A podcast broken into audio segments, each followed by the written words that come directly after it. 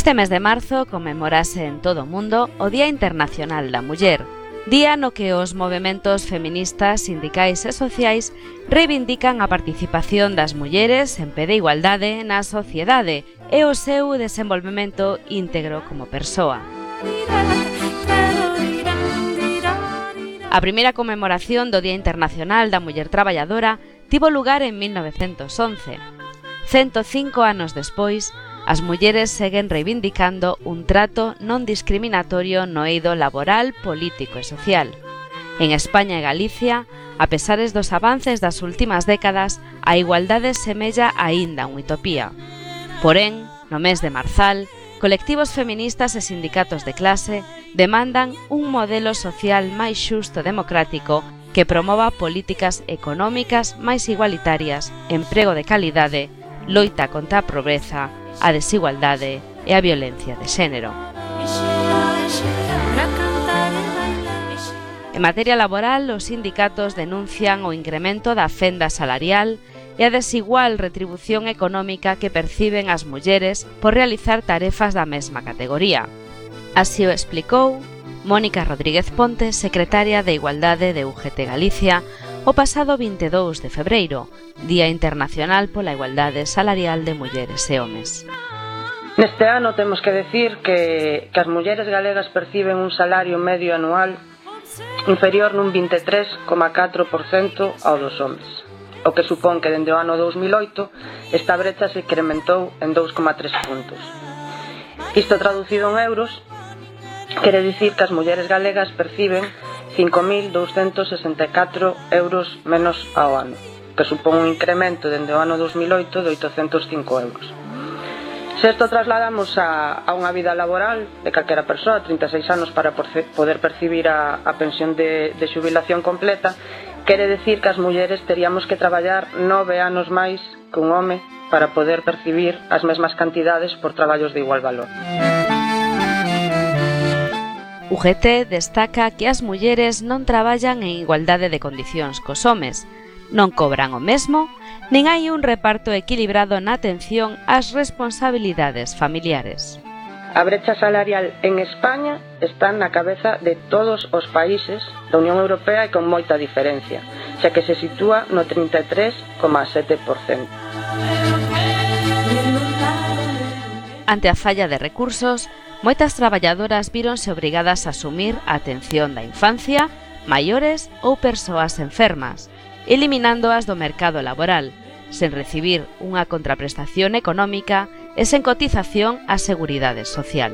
Todo isto ten consecuencias eh, directas en dous tipos de prestacións, como son a de desemprego, no que xa eh, en número somos menor eh, menos as mulleres que accedemos a ela por un lado porque interrompemos máis as nosas carreiras profesionais para atender os cuidados familiares como decía antes por falta de políticas públicas que as atendan e eh, porque moitas veces se acceden a eh, reduccións de xornada como digo, contratos a tempo parcial que fan tamén que se perciban menos ingresos.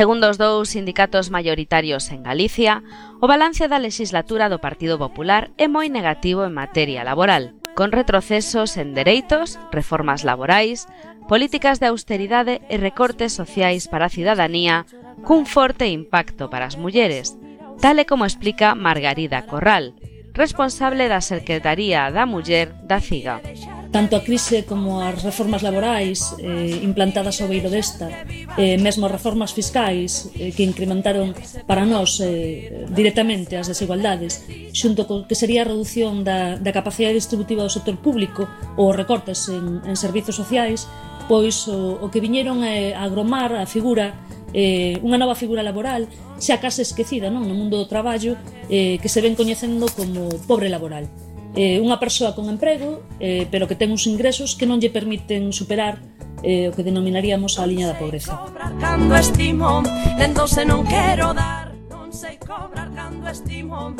Polo tanto, ampliouse a brecha salarial, multiplicáronse os traballos precarios e aumentou significativamente a presenza de mulleres en xornadas reducidas.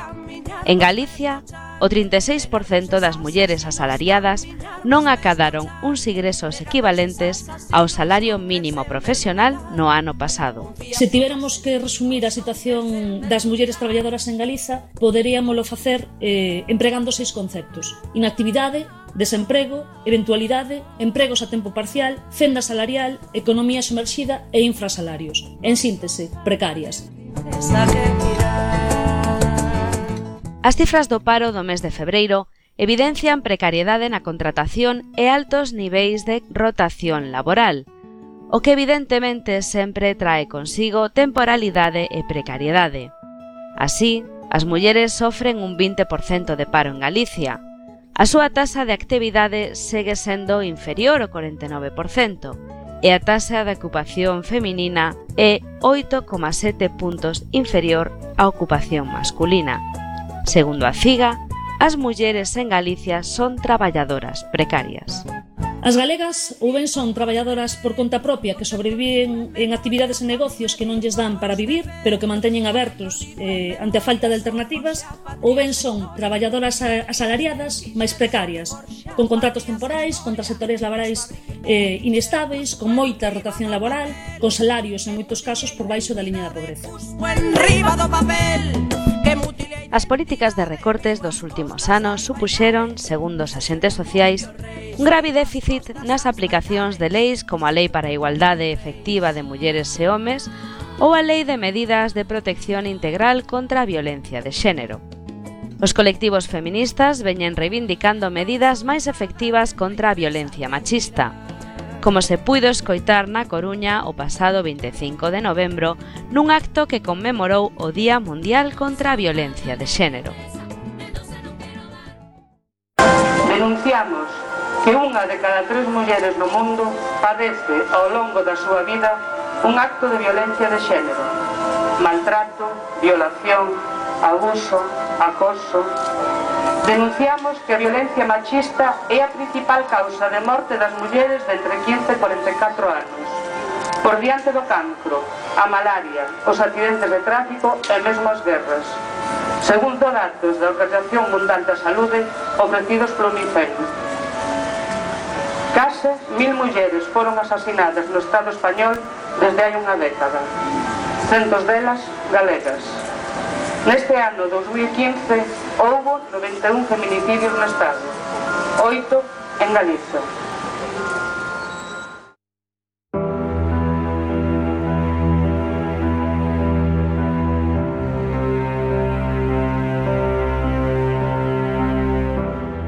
O pasado 2015 en España foron asasinadas 57 mulleres e tres menores en mans das súas parellas ou exparellas. Galicia foi a terceira comunidade autónoma con máis vítimas mortais por violencia machista, con sete mulleres tráxicamente asasinadas. As plataformas de afectadas denuncian que estas cifras están a agochar auténticas tragedias familiares ás que non se dá solución dende as institucións.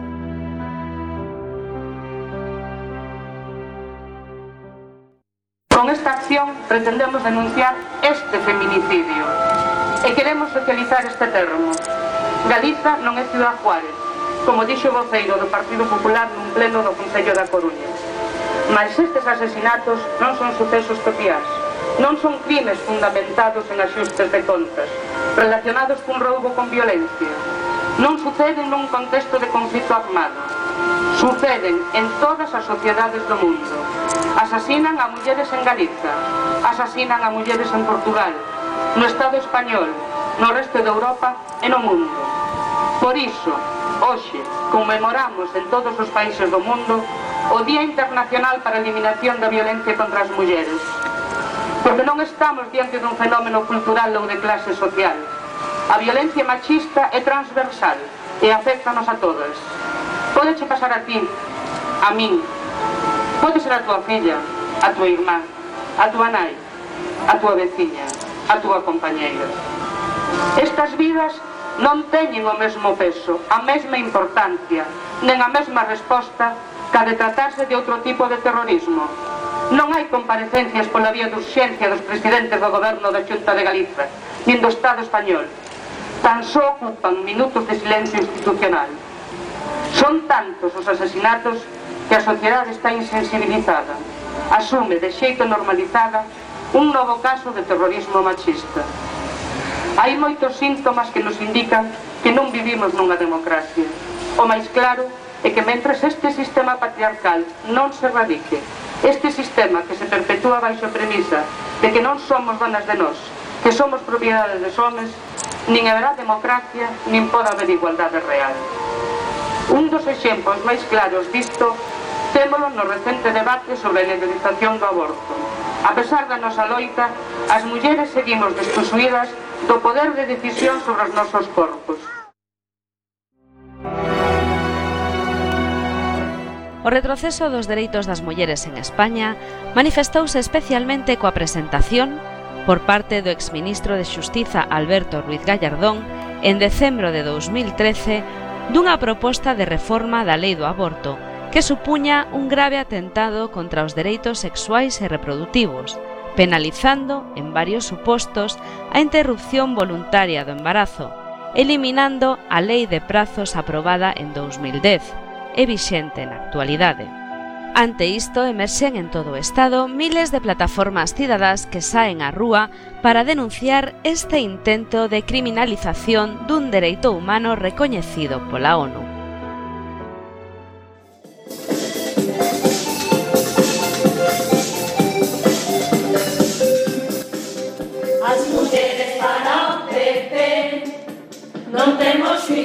inmoral para tomar las decisiones sobre nuestra vida sexual. No somos víctimas, ¿sabes? Sabemos cómo vivir.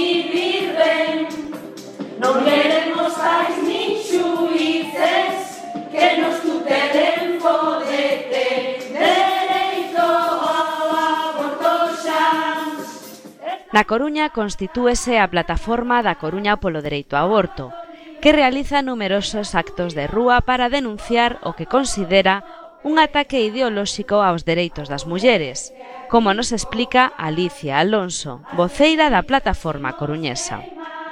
Pensamos que esta reforma hai que analizala nun contexto moito máis amplo, nun momento no que, coa excusa da crise, todo o poder político, económico, religioso non se está recortando o noso dereito ao aborto, senón que está a impor unha serie de medidas que supoñen un retroceso no conxunto dos dereitos das mulleres.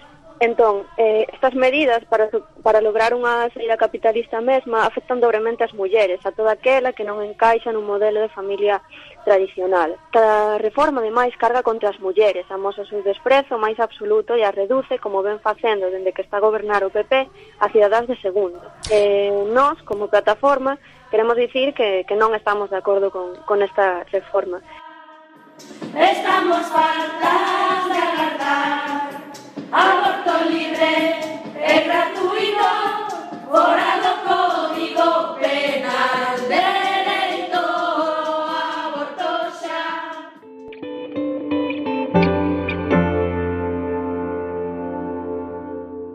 A presión política e social exercida nas rúas ao longo de máis de un ano provocou a retirada da pretendida reforma da Lei de Interrupción Voluntaria do Embarazo, así como a demisión do ministro Gallardón.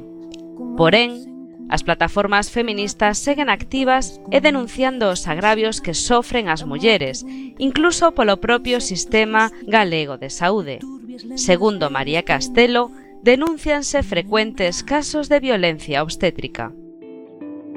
Mas eles consideran violencia obstétrica toda acción ou omisión por parte do persoal médico de saúde que dane, lastime, denigre ou causa morte a muller durante a gravidez, o parto ou o properio.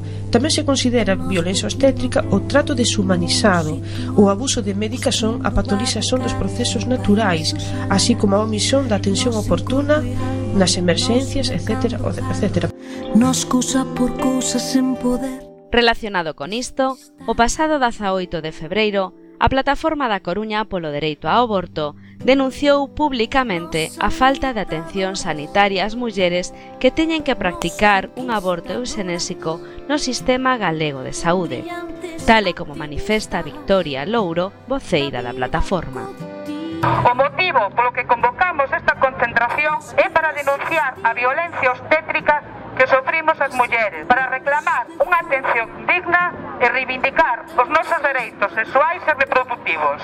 Do país dun tal Breogán Segundo a plataforma, dende o 2011 ata 2015, efectuáronse 169 abortos terapéuticos, 81 no complexo hospitalario da Coruña e 71 foron derivados a unha clínica concertada de Madrid.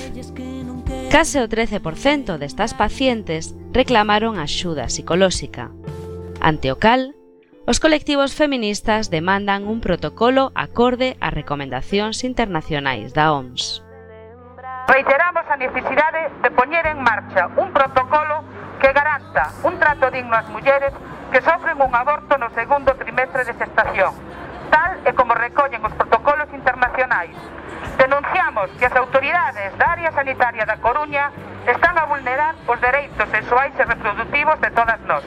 Porque as mulleres que teñen necesidade de que se lles practique un aborto de máis de 14 semanas por causas médicas no Hospital Materno Infantil da Coruña son dobremente castigadas ao non ter a mesma atención que nun parto. Ao trauma de ter que interromper un embarazo desexado Compre engadirlle que van parir o feto morto sin posibilidade de anestesia epidural. Ademais, non se lles pode garantir que vayan ser atendidas durante todo o proceso por ginecólogos ou ginecólogas ou matronas, nin que vayan ter o expulsivo, o parto, asistido nun, parato, nun paritorio e non na habitación de ingreso. Para ter a seguridade de dispor dunha atención axeitada, tal como recollen os